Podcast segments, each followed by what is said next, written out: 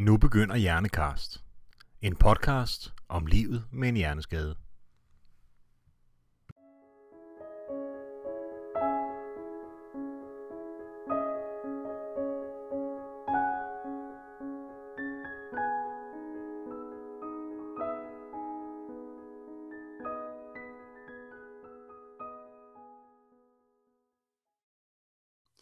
Hjernen er det vildeste organ i vores krop. Jo mere man ved om og forstår, hvilket job den har, jo mere klart er det, at hvis dele af den går i stykker, kan det gribe ganske omfattende ind i vores liv.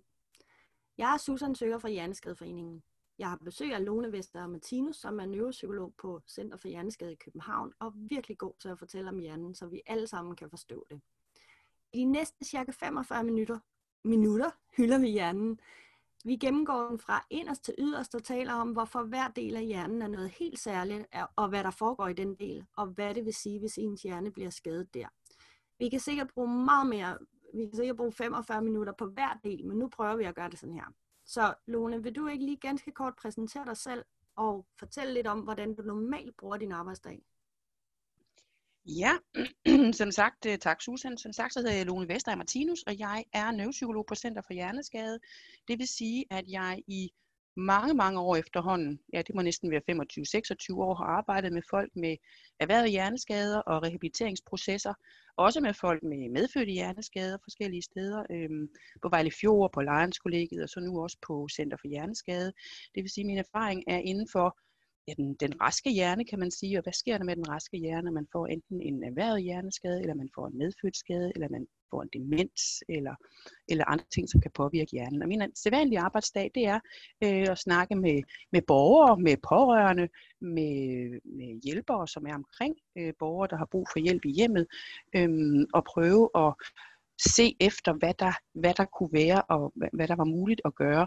Også selvom skaden måske er, er ældre dato, så sker der stadigvæk noget i en rehabiliteringsproces. Øh, og man kan sige, at når man har fået en hjerneskade, så vil sådan en genoptræningsproces være livslang. Det vil sige, at man faktisk skal, skal træne resten af livet på at kompensere, eller på at træne direkte på de ting, man oplever problemer med nu efter skaden. Mm. Men nu skal vi kigge på selve hjernen. Øh, og det vil jo selvfølgelig også give os sådan et billede af, hvorfor det egentlig er så kompliceret, og hvorfor det er så omfattende og kræver den her livslange træning, som du nævner. Øh, man ja. kan jo dele hjernen op i flere dele, og hver især af dem har en funktion. Men de her dele, de arbejder jo også alle sammen sammen, og de er afhængige af hinanden. Og det skal vi også nok komme ind på til sidst. Fordi først så vil jeg gerne lige, at vi går dybt ind i hjernen, og at du fortæller lidt om, hvad det er, der sker derinde. Så jeg begynder simpelthen med at spille kortet Den Indre Hjerne, hvad er der særligt ved den, og hvad foregår der derinde? Ja, og det er jo vældig, vældig interessant, for den indre hjerne, den hænger også sammen med hjernestammen. Det vil sige, at hvis man kigger på øh, en regnorm, så har den ikke ret meget andet at gøre godt med end en rudimentær hjernestamme. Altså det vil sige, når en regnorm kravler op og lægger sig på jorden, så kommer solen, øh, og så kravler den ned igen. Og det er bestemt ikke, fordi den tænker, at det er ikke sundt for mig, eller jeg må hellere få noget øh, sunscreen på. Det er, fordi den reagerer instinktivt, refleksivt. Den tænker ikke. Og det kan man sige om den indre hjerne og hjernestammen. Den er ikke tænkende. Den er totalt automatiseret øh, til forskel fra de områder, vi skal ind på lidt senere.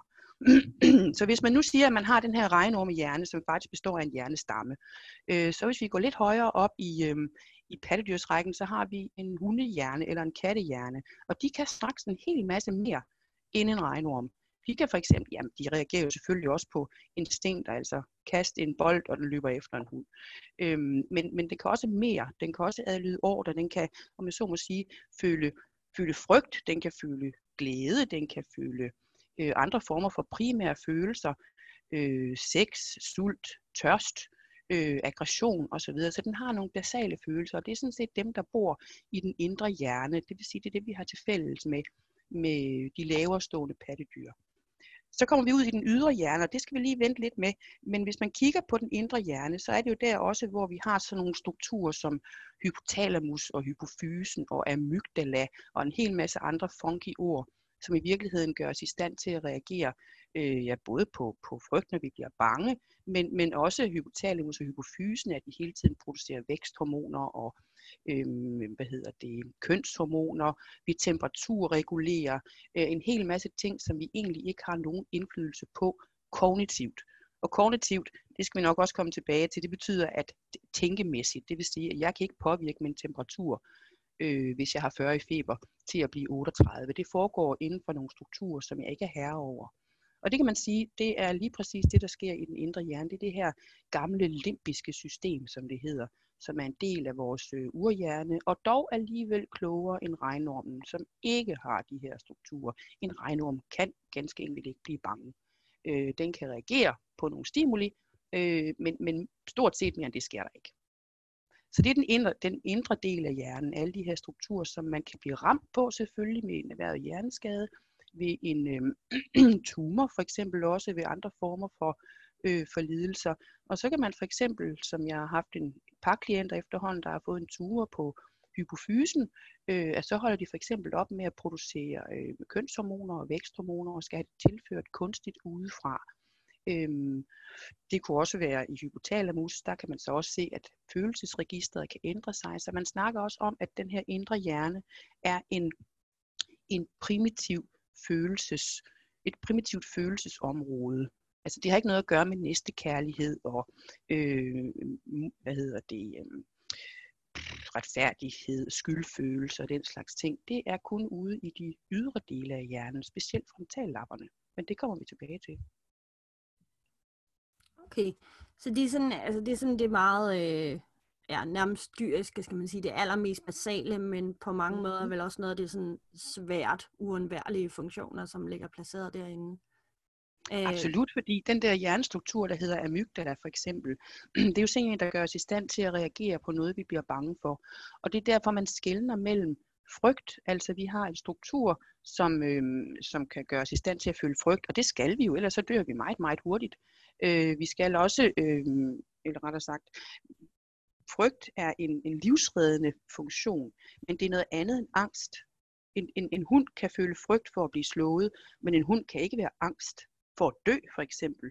Og det er der, hvor det bliver specifikt menneskeligt og ligger langt længere fremme i hjernen øh, i nogle af de nyere områder, vi har fået som mennesker. Øh, blev du færdig med hjernestammen? Det gjorde du ikke helt vel? Jamen hjernestam, nej, det gjorde jeg faktisk ikke helt, fordi det var jo der, hvor jeg lige havde den der lille regnorm der, fordi hvad er det så, hjernestammen egentlig gør? Jamen hjernestammen, der ligger de auto, helt automatiserede funktioner, det er sådan set, øh, hvad hedder det, øh, kønshormoner, væksthormoner også længere op i hjernen, men hjernestammen sørger for, at vi for eksempel trækker vejret øh, helt automatisk, fordi vi trækker vejret sådan cirka 30.000 gange øh, i løbet af et døgn. Øh, og tænk, hvis vi skulle bestemme os for at udøve det, øh, gøre det viljestyret, så ville vi glemme et par stykker. Øhm, så det foregår altså helt automatisk. Naturen har simpelthen været så viselig, at den har indrettet os til ikke at kunne lade være med at trække vejret. Øh, så kommer man til at gispe, eller hvis man gisper efter vejret, hvis man har været nede under vand, eller noget i den stil. Så vi er simpelthen øh, præprogrammeret til at, øh, at trække vejret uanset hvad. Og det med, der er der masser af andre funktioner i hjernestammen, som, som vi... Øh, som vi igen ikke er herover, som bare foregår helt automatisk. Og det er også det, man ser for eksempel ved, ved folk, som måske får et slag mod hovedet. Øh, de falder og slår hovedet, og der sker ikke umiddelbart noget. Øh, men så kan man, og jeg ved ikke, jeg har i hvert fald læst et par gange, øh, eller hørt om det, at øh, en ung mand for eksempel, øh, der var oppe at slås, og han falder og slår hovedet mod fortovskanten, og han skal i hvert fald ikke på skadestuen eller noget som helst, han skal bare hjem, og næste dag så er han faktisk død, fordi han har fået en, en, øh, en blødning øh, hjernen, som har stået og fået hjernen til at hæve. Og det, der så sker, det er, at hjernestammen bliver presset sammen øh, nede i bunden af kraniet, fordi der ikke er plads øh, til hjernen. Så den bliver presset sammen, og så holder de automatiserede funktioner op. Han holder simpelthen op med at trække vejret, fordi hjernestammen bliver sat ud af funktion. Så man kan sige, at hjernestammen er øh, indgangsportalen til hele hjernen, og hvis ikke vi har den, så, så, så kan vi ikke ret meget andet øh, fordi øh, den, den, er så, den opretholder livet for mig, for os, ja også for mig, men for, for os alle sammen, øh, ved hjælp af de her fantastiske øh, processer, som er blevet viseligt udtænkt op igennem evolutionen. Ja, og hvis man, altså hvis man kigger på sådan et billede af, af hjernen, så er det den her, så er det sådan en tap, der kommer ud dernede for neden, så det er ligesom den, der forbinder det er stilken ja, simpelthen. Ja, det er sådan en stilk, hvis man forestiller sig, at hjernen det er sådan en, en stor solsikke. Det er simpelthen toppen på den her stilk her. Så kan man sige, at det øverste af stilken, øh, det er hjernestammen, som så går ned. Resten af solsikkestilken, det er så, det bliver, det er så den rygmarven og den forlængede rygmarv, som går helt ned til vores haleben. øh, og sørger selvfølgelig for, at alle impulser, der kommer fra kroppen, ryger igennem hjernestammen og op til de rigtige områder. For eksempel, når jeg mærker noget, øh, hvis jeg stikker mig på noget, så går impulsen fra min finger øh, op igennem armen, og så ender den ude i mit, øh, det der hedder meget fint somatisk område, somatosensorisk område, og så oplever jeg, at jeg bliver stukket. Det vil sige, den forlængede rygmarv og rygmarven, det vil sige den lange solsikkestilk, det er den, der sørger for, at der kommer informationer ind i hjernen, men bestemt også, at der kommer informationer fra hjernen og ud til armene, hvis jeg for eksempel skal bevæge mig eller, eller gå, øh, så kommer der impulser fra motorisk område, som, som fortæller benene, at nu skal, de, nu skal de bevæge sig. Så hvis man ser den som en, en solsikkestilk, og så har man hovedet for oven, øh, som så er selve hjernen.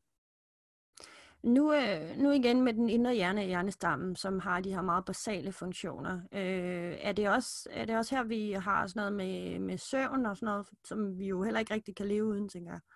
Bestemt, ja. Og det kan vi faktisk heller ikke selv bestemme over. Det er, er der mange, der sikkert ved derude, det der med at, at ligge og ikke kunne falde i søvn. Men jo mere og mere, man bliver mere og mere panisk, og så kan man slet ikke sove, fordi man går i alarmberedskab. Men det er ikke noget, vi bestemmer over selv. Vi kan ikke bestemme os for at falde i søvn øh, fordi det netop også, som de andre områder, jeg har talt om, ligger så, øh, så, langt, så langt i de ubevidste, kan man sige, eller i de, i de øh, dybere lag af hjernen. Og vi har faktisk en struktur, som øh, hedder PONS, som sammen med nogle andre strukturer, fordi det er jo ikke bare det er sådan med hjerne, det er ikke bare et område, der gør noget. Det arbejder, områderne arbejder sammen og skaber en synergieffekt, kan man næsten sige.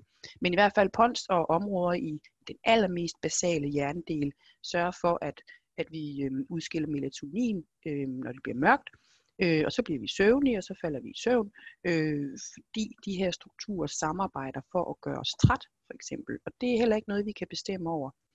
Øhm, og i virkeligheden kan man sige, at hvis vi skulle følge vores vores urfædre, så skulle vi gå i seng, når, øh, når det blev mørkt, og vi skulle stå op, når det blev lyst.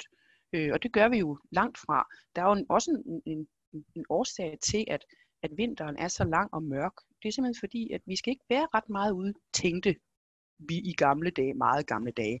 Vi skal simpelthen vi skal, vi skal passe på vores hul, og det vil sige, at vi skal sove rigtig mange timer, øh, og så skal vi spise de resterende timer.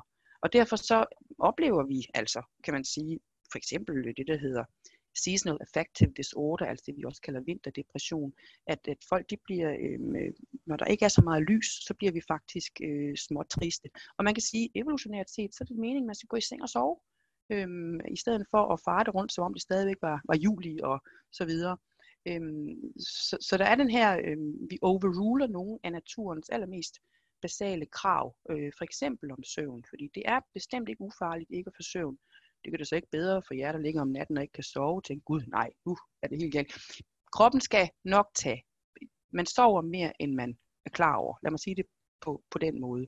Man kan godt have en fornemmelse af, at man ikke har sovet hele natten, men det har man som regel. Øh, om ikke andet, så i hvert fald nok. Men vi er selv lidt, lidt skyld i, at, at, vi, at vi ikke kan sove om natten, fordi kroppen er faktisk, hjernen er designet til at have meget mere fri om vinteren, end om sommeren, hvor vi skal samle forråd til vinteren, som vi kan leve af.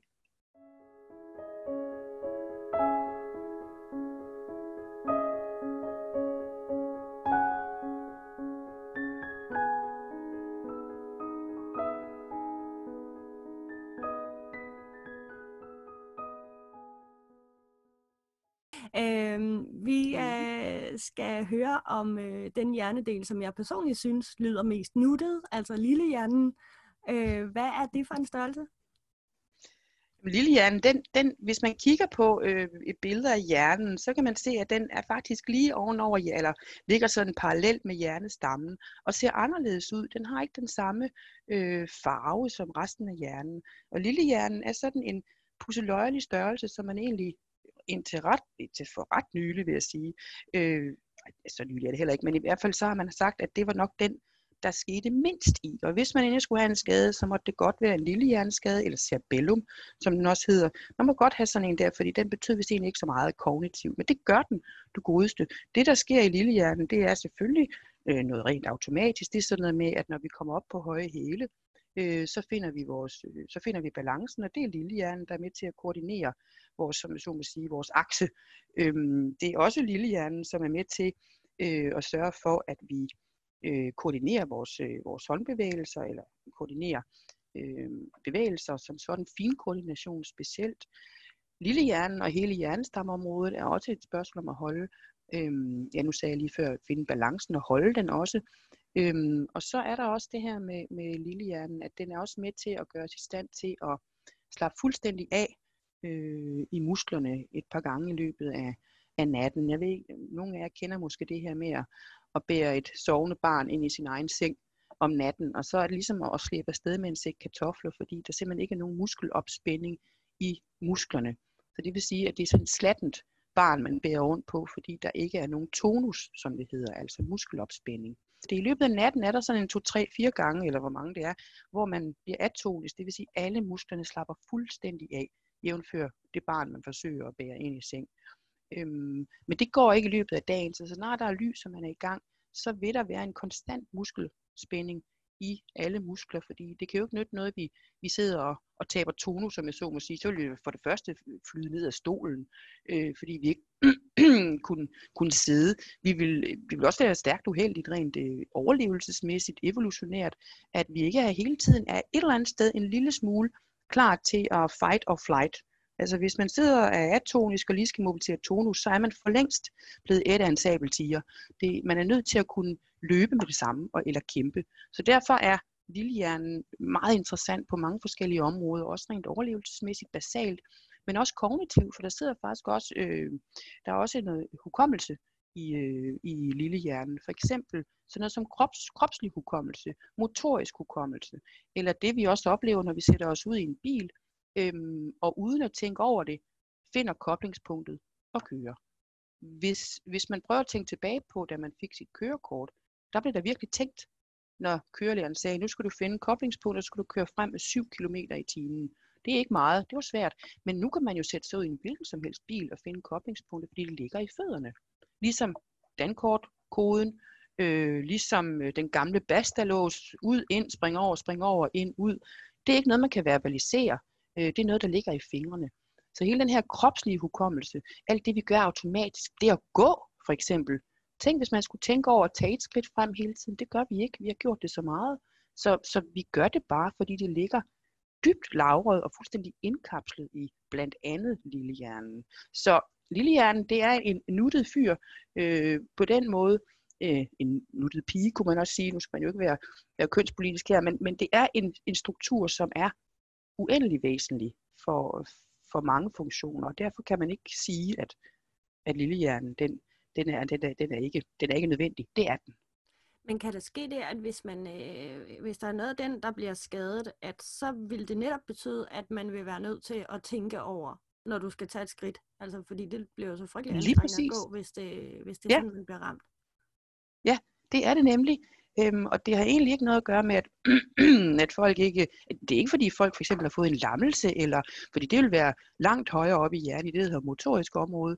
Men, men de her forudprogrammerede, øh, overindlærte strategier, kan man glemme i gåseøjne.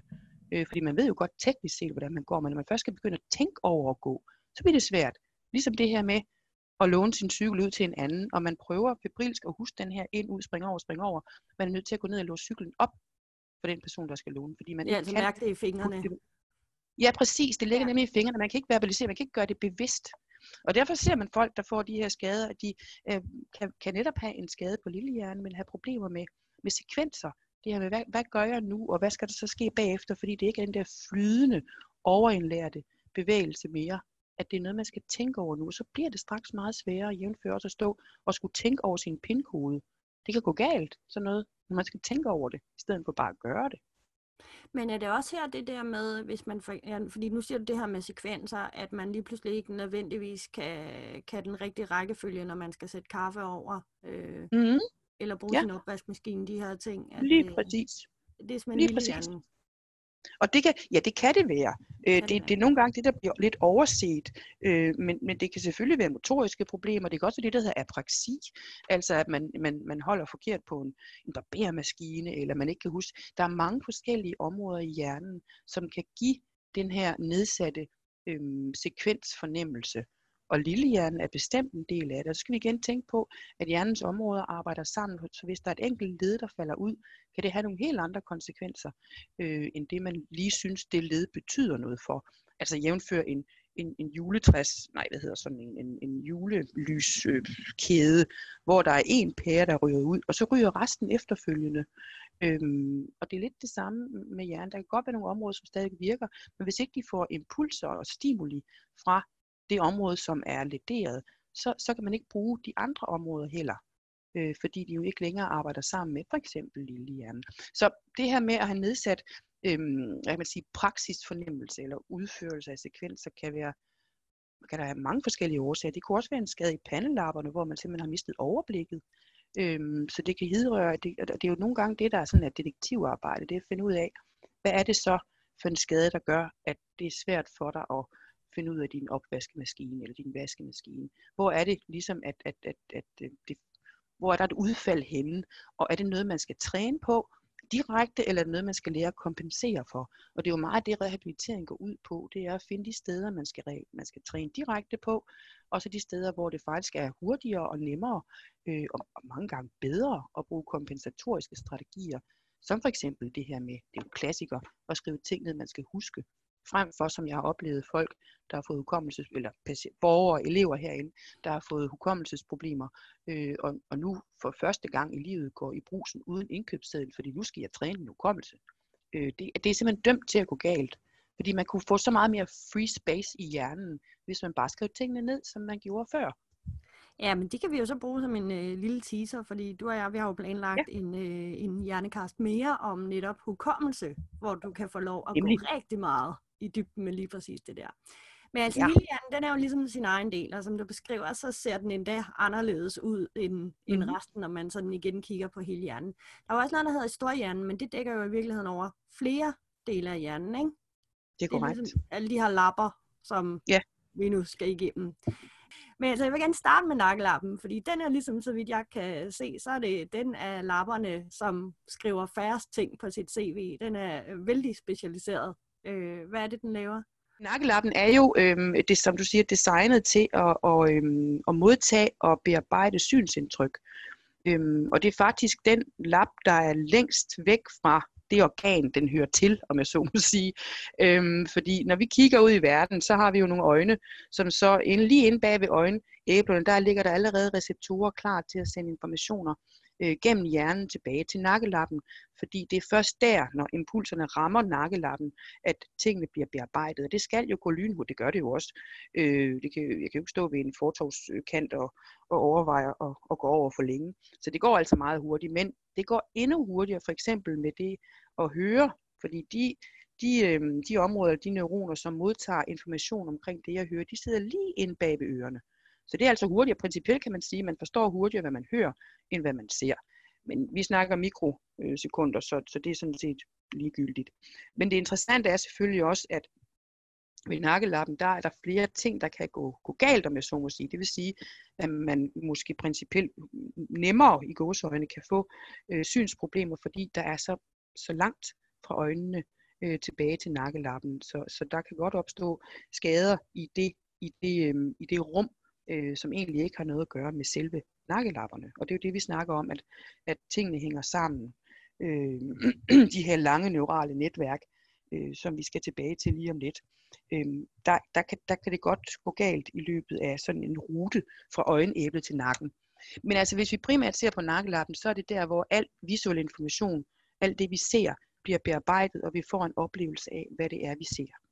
Øhm, det, som man kan øh, opleve, øh, som kan ske i forbindelse med en, en skade, det er for eksempel det, der hedder hemianopsi, øh, når man ikke modtager informationer i bestemte områder af øh, nakkelapperne, eller også det, der i virkeligheden occipitallappen hedder det også. Øh, vi kalder det nakkelappen hvor man ikke øh, får information, eller rettere sagt information bliver transporteret gennem hjernen, men, men den bliver ikke opfanget og bearbejdet, fordi der er nogle neuroner, der er faldet ud på grund af en skade, en blødning, et slag, eller hvad det nu måtte være. Øhm, og så kan man få det, der hedder hemianopsi for eksempel. Øhm, det kan også være for eksempel, som jeg sagde før, at der er, er en tumor, eller der er har, har været et voldsomt slag, som har ødelagt netværkene fra øjet øh, tilbage til nakkelapperne. Øhm, og så får man nogle, kan man få nogle andre skader øh, som følge af det. Så det er altså vigtigt, når man har syns, hvis man har synsforstyrrelser, øh, så kan det være på grund af pres på de lange nervebaner, men selvfølgelig også på grund af en skade decideret i nakkelappen eller occipitallappen. Altså det, må, det er jo helt enorme mængder data, som kommer ind her gennem øjnene og på en eller anden måde bliver af det hele, eller hvordan, hvordan har vi plads til det? Ja, det, det er jo nemlig det, der, det er faktisk rigtig interessant, fordi vi, vi har jo altså også nogle strukturer i hjernen, som sørger for at sortere ting fra. Øhm, fordi ellers så bliver vi simpelthen overloadet. Øh, så vi har altså sådan øh, nogle filtersystemer i hjernen, blandt andet kan man sige til en vis grad populært sagt, at en lille struktur, der hedder thalamus, er med til det. Men vi har nogle strukturer, som sørger for, at vi ikke er så opmærk at vi ikke er opmærksom på alt det, vi ser. Det kan vi simpelthen ikke. Øh, så derfor kan man sige, at vi på en eller anden måde har nogle, nogle hjernemæssige skyklapper på, øh, som gør, at vi jo opfanger meget mere end det, vi tror, men, men, men det bliver ikke bevidst. Det er ikke bevidst, vi kan, vi kan fange det, eller vi kan få det fremkaldt igen.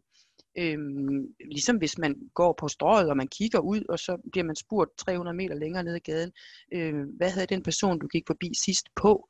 Øhm, og det er nok noget, man har, man, har, øh, man har jo set det, men det er jo simpelthen blevet sorteret fra med det samme, fordi det var fuldstændig irrelevant. Øh, og, og der kan man sige, at hjernen er viseligt indrettet i og med, at den sørger for, at vi ikke bliver øh, overstimuleret øh, på den måde. Og det er svært, hvis man har en opmærksomhedsforstyrrelse, som, som på en eller anden måde gør, at man ikke sorterer så godt. Og, og det vil sige, at alle informationer har lige stor relevans, øh, fordi man ind det der filtersystem er gået i stykker.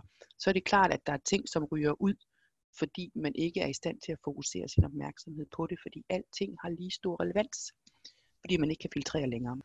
Så tror jeg, vi går videre til iselappen. Hvad er det?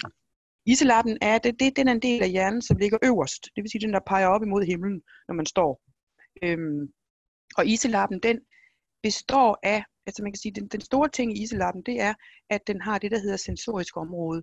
Og sensorisk område, det er det område, som modtager, som jeg sagde tidligere, informationer fra, ja, fra organer og fra ekstremiteter, fra ben og arme og hvad ved jeg.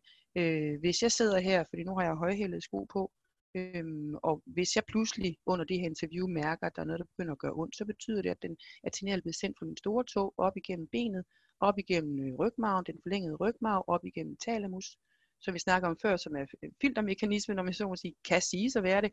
Og så ryger den helt op i sensorisk område, hvor jeg oplever smerte. Så den skal altså lang vej, den her impuls, og hvis ikke det gør for ondt, så vil den blive sorteret fra, fordi det her interview det er vigtigere. Øh, men hvis det pludselig begynder at gøre meget, meget ondt, så vil signalet blive blæse igennem min hjerne, at det her det gør ondt. Øh, sensorisk, sensorisk område er alle taktil, kan man sige, eller følelser, ikke, ikke følelser som kærlighed, men altså øh, kropsfølelser. Det er der, hvor de ender. Øhm, og udover det, så ser man jo også, det er jo så det, der hedder sensorisk område, men iselappen, øh, der har man jo også mistænkt for at have noget at gøre med, med rumretningsfornemmelsen og øhm, fornemmelsen af at kunne navigere og øhm, vurdere for eksempel, øhm, hvis jeg står her, hvor langt er der så cirka over til min dør? Jamen, det er vel en 3-4 øh, skridt, jeg skal tage for at være derovre. Så fornemmelsen af mig selv i, øh, i rum og retning øh, har også noget at gøre med iselappen, specielt den højre, siger man. Øh, men men øh, det er sådan lige detaljeret nok. Men, men det er øh, et spørgsmål om, at for eksempel engelske, øh, hvad hedder det, det er et klassisk forsøg med engelske taxichauffører, før GPS kom til, der navigerede de i den londonske, hedder det, i trafikken i London, mm. øhm, ud fra den øh, viden, de havde om gader og retninger og rum og hvad ved jeg. Øhm, da GPS-systemerne kom til, der lavede man faktisk en test, hvor man fandt ud af, at deres øh, om, visse områder i Iselappen, de var faktisk blevet mindre, fordi øh, de ikke brugte de her øh, strukturer mere, fordi det var blevet nemmere med GPS. Det siger dels noget om hjernens plasticitet, altså at vi kan faktisk vores hjerne kan ændre sig alt efter, hvordan den bliver stimuleret. Men den siger også noget om, hvad det er, der bor i, i iselappen. Nu sagde du, at den var øh, under mistanke for at stå for det her. Er det fordi, man ikke ved det med sikkerhed, eller er det fordi, det egentlig bare er mere kompliceret, at den ikke gør det alene? Eller? Ja, den gør det jo ikke. Der er jo ikke noget, som, som nogle områder, som sagt, der gør noget alene. Så når jeg siger mistænkt, så er det fordi, vi kan faktisk aldrig blive helt sikre på, hvad der sker i menneskets hjerne. Det er måske lidt sent at sige det efter en halv time, men, men vi er faktisk, vi er faktisk øh, stadigvæk sådan lidt, øh, kan vi være sikre på det, vi ser, det vi tror? Vi har jo fine scanningsmekanismer, hvor vi kan se, hvis man sætter folk til at regne, så er der bestemt område, der lyser op i hjernen. Men betyder det så, at vores regnefunktion sidder der? Ikke nødvendigvis.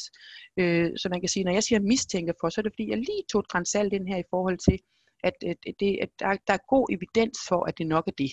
Lad mig sige det på den måde.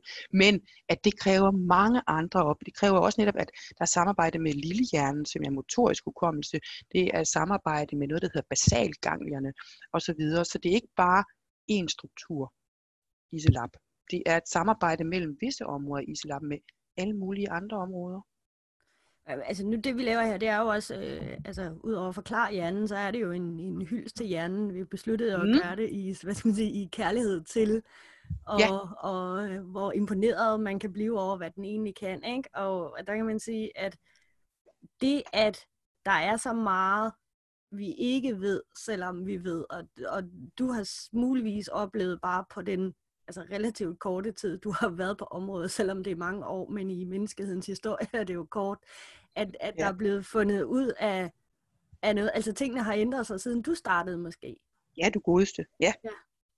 Og, det, altså, og det, det, er jo, det er jo vældig fascinerende, fordi det vi sidder og siger nu, hvis vi laver præcis den samme om fem år, så vil der være måske nogle ting, vi skal ændre en lille bit smule på. Det vil der helt sikkert. Det vil der helt sikkert, og det er jo det, vi regner hele tiden med, med bedste evidens, kan man sige, men netop som du siger, jo mere vi ved om hjernen, jo mere vi finder ud af, jo mere finder vi ud af, at vi ved ikke noget, øh, fordi det er fuldstændig umuligt at eftergøre hjernen med computermodeller eller noget som helst, og, og, og vi kan ikke, vi kan ikke engang simulere hjerneaktivitet, vi kan, vi, vi, kan bare, vi kan bare sætte os ned og være netop højtidelige over, hvor lidt vi ved egentlig, og hvor meget der alligevel sker, til trods for, at vi ikke ved noget. Øh, men man kan sige, at vi ved mere end nogensinde. Øh, men, men, men helt klart, om fem år, så, så vil vi sige noget andet. Så vil jeg, så vil jeg, øh, så vil jeg være træt af at høre mig selv sige det her, fordi så ved vi noget helt nyt.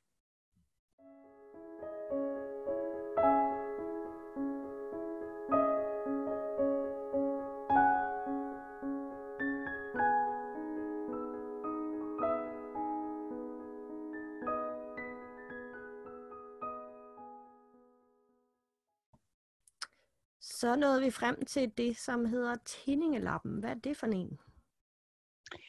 Øhm, jamen tindingelapperne, det er jo dem, vi har på hver side øhm, omkring ørerne. Det er tindingelapperne. Og for det første, det tror jeg, jeg sagde det tidligere, så ligger området for at bearbejde øh, lydindtryk.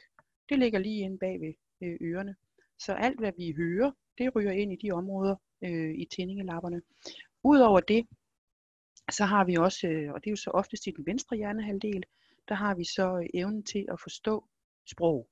Øhm, evnen til at forstå ord, øh, så man kan sige, det er sproglig forståelse, det andre siger, øh, som er øh, en struktur i den venstre tændingelap oftest. Øhm, hvor for eksempel det her med at selv producere sprog, det ligger ude i pandelappen, men det kommer vi tilbage til lige om lidt. Så tændingelappen er altså det område, hvor øh, sprogcenter og sprogforståelse sidder, det er også det område, hvor der sidder øh, de meget store hukommelseslagre, eller lav, depoter, lad os kalde det øh, ikke for motorisk hukommelse, den har vi allerede fundet, den har vi allerede øh, fået lokaliseret til lillehjernen, men, men hukommelse for vores liv, episoder i vores eget liv, det der hedder episodisk hukommelse. Øhm, hvad, hvad hvad, havde jeg, hvad fik jeg spist spise mit bryllup, øh, hvad fik jeg spist i lørdags, hvad havde jeg på øhm, i min familie osv. osv. Alt det, der har noget at gøre med episoder i mit liv. Og så ligger der også det, der hedder semantisk hukommelse, det vil sige hukommelse for facts i livet. Altså at øh, Kennedy døde i 63, at Trump er præsident nu, øh, at mango er en frugt, alle de her ting, som vi er enige om i verden. Øhm, så de, de to hukommelsestyper ligger dybt begravet i tindingelapperne og gøre os i stand til gennem en, øh, en lille struktur, som faktisk hører til i den indre hjerne, den der hedder hippocampus. Øh, den hippocampus gør os i stand til at lagre information i de her store, kæmpestore opbevaringshaller, øh, som, som tændingelapperne så øh, består af, blandt andet. Øh, så tændingelappen er, øh, kan man sige, selvfølgelig lige så væsentlig som alle de andre, men, øh, men har specielt noget at gøre med hukommelse og med ved sproglig forståelse. Så tror jeg faktisk, at jeg fremover vil kalde tændingelapperne for TP-lapperne, fordi at det, det lyder som de egenskaber, man skal bruge, når man skal vinde i Trivial Pursuit. ja, det, det er fuldstændig rigtigt. Det er fuldstændig rigtigt. Ja, gør det. Er der mere at sige om de her tændingelapper? Ikke specielt, nej. Nu synes jeg, det er pandelapperne, der er interessant. nu vil vi altså virkelig gerne tale om pandelapperne. Det vil vi gerne, ja. Det ja, vil men vi det gerne. er jo også, nu er vi jo kommet frem til pandelapperne. Man kan sige, at modsat hvad jeg fik sagt med nakkelappen, og om deres meget sådan begrænsede CV i virkeligheden, så pandelapperne, de har jo den her to-do-liste, som tager pusten for os alle sammen. Altså det er jo en virkelig, virkelig lang liste over ting, som man kan sige ligger placeret der. Men er det rigtigt forstået, at pandelappen sådan er, er der, hvor vi sådan virkelig er forfinet og tilpasset til, til de her moderne mennesker, vi er, og i virkeligheden det samfund, vi lever i, eller hvordan vil du sige det? Altså, pandelappen er jo det sidste, som er blevet konstrueret på den menneskelige hjerne. Hvis man kigger op igennem, øh, øh, eller ned igennem, op igennem evolutionen, så kan vi se, at pandelapperne har udviklet sig øh, over de her millioner af år til at være øh, de største hos noget pattedyr, i hvert fald øh, pandelapperne, ikke hjernen som sådan, der er dyr, der har større hjerner, men lad det hvile. Øh, men pandelapperne hos mennesket er øh, den sidst konstruerede ting. Altså det vil sige, det er den, der er kommet sidst på evolutionen, øh, men det er så også, pandelapperne, det er så også de sidste områder, der bliver modnet hos, øh, hos individet. Altså det vil sige, at, at man siger sådan rent teoretisk, at pandelapper faktisk først er færdigmodnet omkring øh, 22, mellem 20 og 25 år, der er de så øh, færdig myeliniseret, hedder det. vil sige, at de er klar til at blive præsenteret for verden i, i, i den stand, som de nu skal bruges. Og vi kan også se det hos børn, der ser vi jo så også en del af det, pandelapperne egentlig gør, at øh, det er jo klassisk med et barn, øh, som, øh, som, som peger, eller som snakker om andre mennesker i bussen, eller som kigger ublu på, på andre mennesker, som måske øh, ser anderledes ud, øh, at, at den, den konsekvens, eller rettere sagt, den øhm, impulsstyring er der ikke endnu.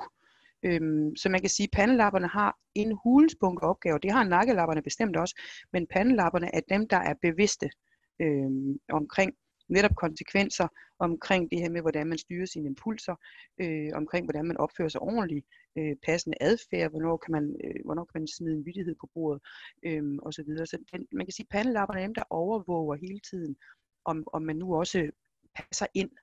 Det er jo ikke øhm, uden grund, at man ofte illustrerer science fiction film, der kommer nogen fra øh, outer space, så har de nogle enorme hoveder, øh, og også nogle meget høje øh, hoveder, så ligesom for, for ligesom at implicere, at, at her der har vi altså tale om en meget, meget klogt væsen.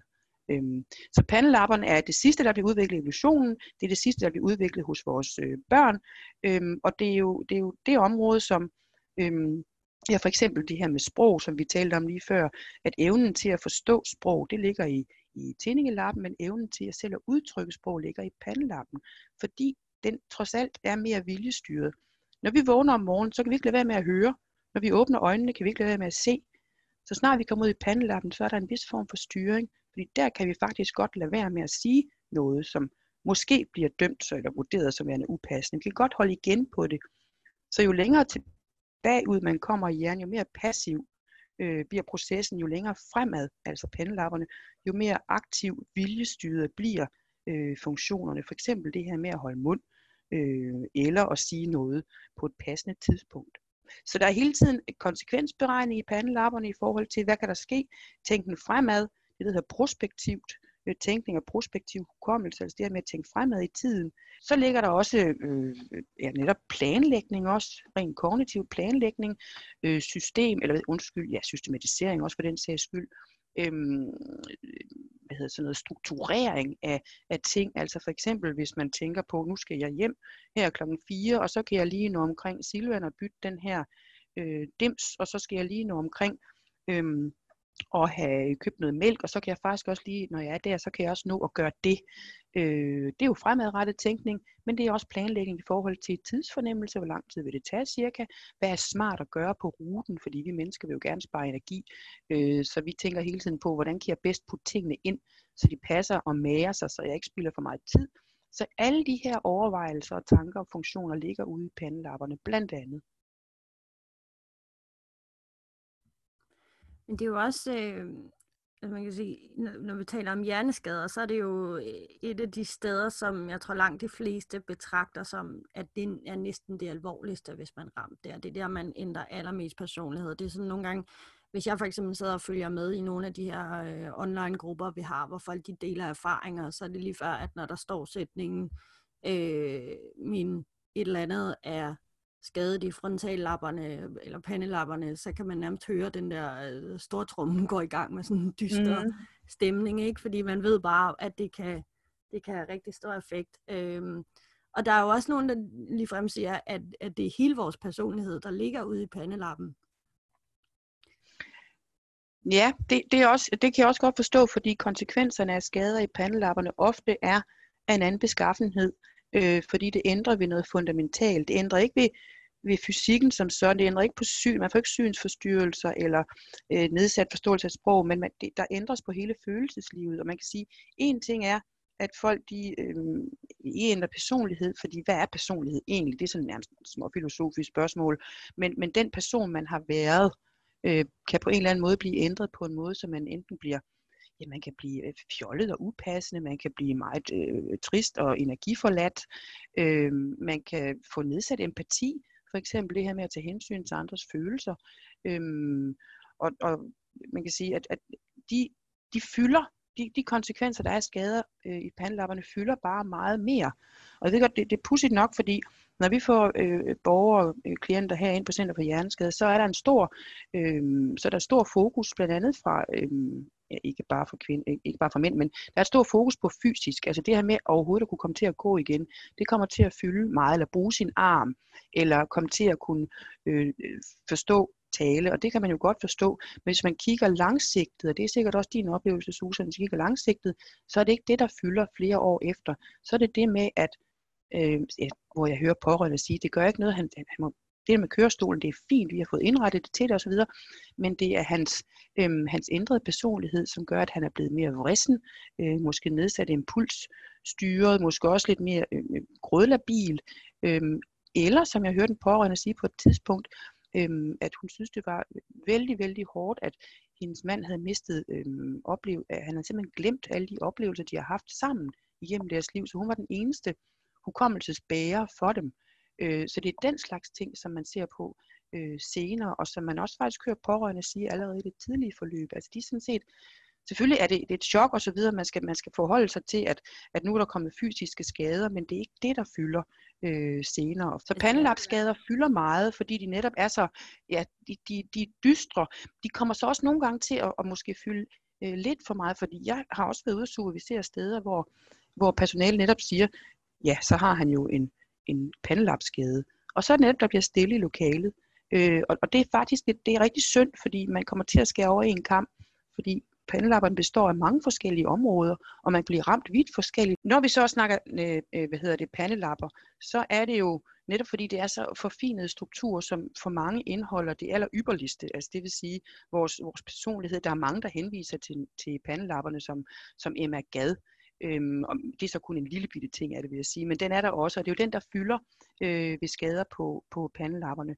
Også fordi skader på pandelapperne oftest, øh, eller mange gange, ikke har nogen fysiske øh, problemer med sig. Altså det vil sige, at folk kan se fuldstændig ud, som de plejer, øh, og alligevel have fået en helt anden adfærd.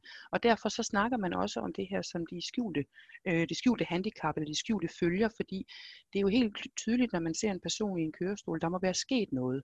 Øh, eller en person, som har fået afasi og har svært ved at snakke. Men personer med skader ude i pandelappen kan øh, have den ekstra, ekstra problematik, at, øh, at man ikke kan se det på dem, og derfor så vil man jo selvfølgelig gå til folk på den måde, man plejer. Jeg hørte på et tidspunkt en, en elev sige til mig, at øh, jeg har en, øh, en usynlig kørestol inde i hovedet, og det synes jeg faktisk er, er meget godt sagt, fordi han jo netop mente, jeg har store problemer her, jeg ved det godt, jeg ved ikke, hvad jeg skal gøre ved det, øh, fordi folk faktisk ikke kan se på mig, at jeg fejler noget øhm, er der noget galt med mig? Det er først, når jeg siger, at jeg har fået en hjerneskade, at de sådan trækker sig en lille smule, og, og, og så begynder måske ovenikøbet at sige, at men jeg har også selv problemer med at huske. Altså en slags misforstået øh, om, omsorg for, for borgeren. Altså, vi kunne tale om pandelapper de næste, næste mange timer, tror jeg, men vi mm, bliver nødt til at ja. rykke lidt videre, fordi vi, vi lovede lige at runde af med det her med, hvordan det hele egentlig fungerer. Altså, hvordan er det, at øh, hjernedelene her, de taler sammen og arbejder sammen øh, og får resten af kroppen til at virke også. Kan du forklare det sådan øh, relativt kort? Jamen, så skal vi jo ned, jeg skal nok prøve. Vi skal ned i den allermindste byggesten i hjernen, og det er neuronet. Det vil sige, det er nervecellen, øh, som, hvis vi tager eksemplet fra før, at jeg kigger ud i verden med mine øjne. Lige inde bag ved øjenæblet ligger der receptorer, altså det vil sige neuroner, som modtager informationer og sender det hele den lange vej fra mine øjenæbler tilbage til nakkelappen. Og først der får jeg en oplevelse af, af, det, af det, jeg ser. Øh, og det går super, super hurtigt, øh, fordi det er jo ikke noget, jeg lægger mærke til, at der går lige, der lige latenstid på 3 millisekunder. Det er der ikke. Jeg oplever faktisk, at jeg ser tingene med det samme. Og det er jo fordi, der er tusindvis af neuroner øh, i det, der hedder et neuralt netværk, der sender på samme tid. Det vil sige, at de sender informationer fra øjenæblerne igennem hjernen af de her lange, lange, øh, hvad hedder det, hjerne- eller nervecelle netværk, som sørger for, at informationen løber lynhurtigt øh, fra øjnene til nakkelappen. Og det samme i forhold til, øh, for eksempel, nu snakker vi om regnorm i hjernen, men hvis man forestiller sig, at man lægger hånden på en varm kogeplade, øh, så faktisk endnu inden man har registreret, at det er varmt, så trækker man hånden til sig. Det vil sige, der er, og det når vi så ikke at tænke over, det når aldrig nogensinde at blive bevidst information. Det er rent instinktivt, ligesom regnorm, der kravler ned, kravler ned i jorden igen. Det samme, når man er ude og køre på motorvejen, der er et, øh, et insekt, som slasker op imod øh, forruden, og vi dukker os, eller vi, vi lukker øjnene lidt i, fordi vi rent instinktivt har en fornemmelse af, at nu får jeg den i øjet. Det er reflekser, kan man sige. Men det er stadigvæk noget, for eksempel, jeg skal trække min hånd til mig meget hurtigt. Det foregår ved at, øhm, øhm, eller rettere sagt, når der for eksempel øh, oplever, at der er noget, der gør ondt, så, så vil det øh, bevæge sig fra min fod op igennem via meget lange neurale netværk, som simpelthen sørger for, at der hele tiden er en kommunikation mellem min hjerne og min krop, og omvendt, men også inde i hjernen, at der hele tiden er kommunikation mellem alle områder i hjernen.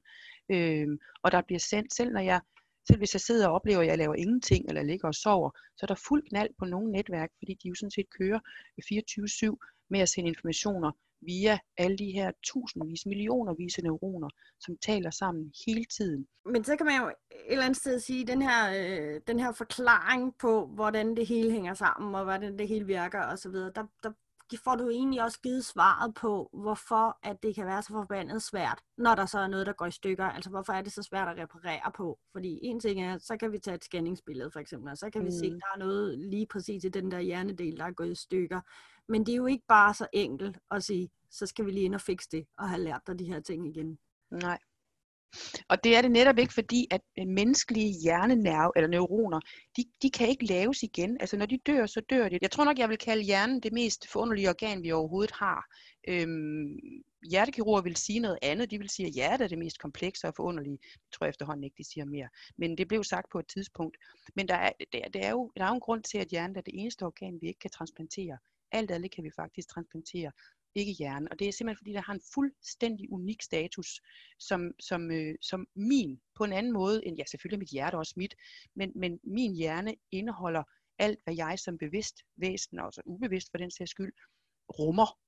Øh, og derfor kan man sige, at det at blive ramt på hjernen, det er, øh, det er øh, vældig, vældig voldsomt på alle måder, fordi vi, vi, vi tager den for givet, medmindre man arbejder, som, som vi gør, øh, som jeg gør, så tager vi den for givet, at den bare gør det, den skal den er så kompleks, at, at, øhm, at hjerneceller ikke øh, regenererer. Altså det vil sige, når først de er døde af iltmangel, eller af øh, øh hvad hedder det, tilførsel af blod, eller tryk, eller hvad det nu måtte være, så, så er området dødt. Det er dermed ikke været sagt, at man ikke kan, kan, kan genlære nogle af de ting, som man kunne før, men det er ved hjælp af andre mekanismer. Det er ikke fordi, øh, knoglen vokser sammen igen, ligesom den gør, hvis man har brækket benet.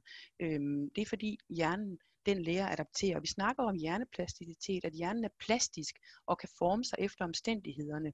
Øhm, og kan også øh, udvikle områder og, og så videre. Vi ved jo, som jeg sagde tidligere, ikke voldsomt meget om hjernen endnu, men vi ved så meget, at, at hjernen alligevel formår på forunderlig vis at, at, øh, at komme tilbage, at komme igen. Altså det vil sige, i gamle dage, nu siger jeg gamle dage, men for ikke så mange år siden, der sagde man, at, at de første par år, der kunne man regne med, øh, at, at man fik funktioner tilbage. Øh, så satte man det ned til cirka 6 måneder, øh, at det var der, hvor det virkelig store skridt blev taget. Der har været masser af teorier om, hvornår man skal sætte ind med genoptræning, hvornår det er mest optimalt. Men som jeg sagde til at begynde med, så er genoptræning eller rehabilitering efter en hjerneskade, den er livslang, fordi jo mere man træner og øver, jo, mere, jo bedre bliver man til at kompensere, uden man til sidst lægger mærke til det mere. Øhm, jo mere vender man sig til tingenes tilstand. Fordi sindet har jo også, psyken har en fantastisk evne til også at forme sig og vende sig til øhm, at lære nye virkeligheder at kende. Og så virker det nogle gange som om, at, at man faktisk er blevet bedre til en ting. Det kan være, fordi man er blevet bedre til det. Det kan også være, fordi man har vendet sig til det, og nu gør det på en anden måde. Og det er den måde, hjernen jo hele tiden fantastisk nok kan finde på nye måder. Hjernen er jo enormt kreativ, og det, den finder hele tiden nye måder at gøre tingene på. Det oplever vi som mennesker som idérigdom, men, men hjernen gør det jo ved at bruge andre netværk, ved at lade nye komme til, ved at bruge nogle af de mange nye neuroner, vi hele tiden fød, der hele tiden bliver født inde i hippocampus. Det er jo en helt anden historie. Men ved at bruge nogle af de af de øh, stamceller øh, til at kompensere for nogle andre ting med. Og det er alt sammen noget, som vi jo frygtelig gerne vil, vil forstå fuldstændig, men jeg, jeg vil altså våge påstå, at det kommer vi aldrig til. Øh, fordi først den dag, vi forstår hjernen, så, så øh, det kan jeg slet ikke forestille mig. Altså den der ydmyghed over for det her fantastiske organ, som gør så mange ting for os, øh, at vi vil aldrig nogensinde fuldstændig forstå den. Gud skal lov, vil jeg næsten sige, fordi det, det er sådan et menneskelige mysterier, livs mysterier. Og bedst som du virkelig har talt dig varmt, så har vi simpelthen ikke mere tid. Okay, så øh, det er cirka, hvad vi kunne nå. Men jeg lader dig lige, Lone, runde øh, ballet af med en, øh, en lille hyldstale til Jan. Hvis jeg nu giver dig, lad os sige 30 sekunder, max, så fortæller du, hvorfor Jan er så fantastisk. Jeg behøver faktisk kun 10, for jeg har skrevet et lille digt, øhm, og det er meget, meget kort, i modsætning til alt det andet. Kære hjerne, jeg ville så gerne tårerne fjerne fra din kerne, for du er en stjerne. Amen. Ah, det var så fint. tak fordi du ville være med, Lone. Kan, vil du have nogle andre ord end det? End, end det? Nej, det er så perfekt. Og, øh, og jeg vil godt lige love dem, der lytter med, at øh, du kommer tilbage og laver i hvert fald en podcast mere med os, øh, som er hukommelse, vi har lovet, og måske kan jeg overtale dig til at lave nogle flere senere. Givetvis. Givetvis. tak for det.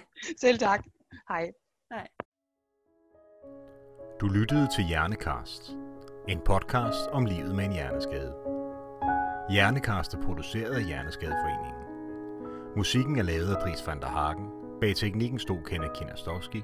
Til rettelægger og interviewer var Susan Søgaard.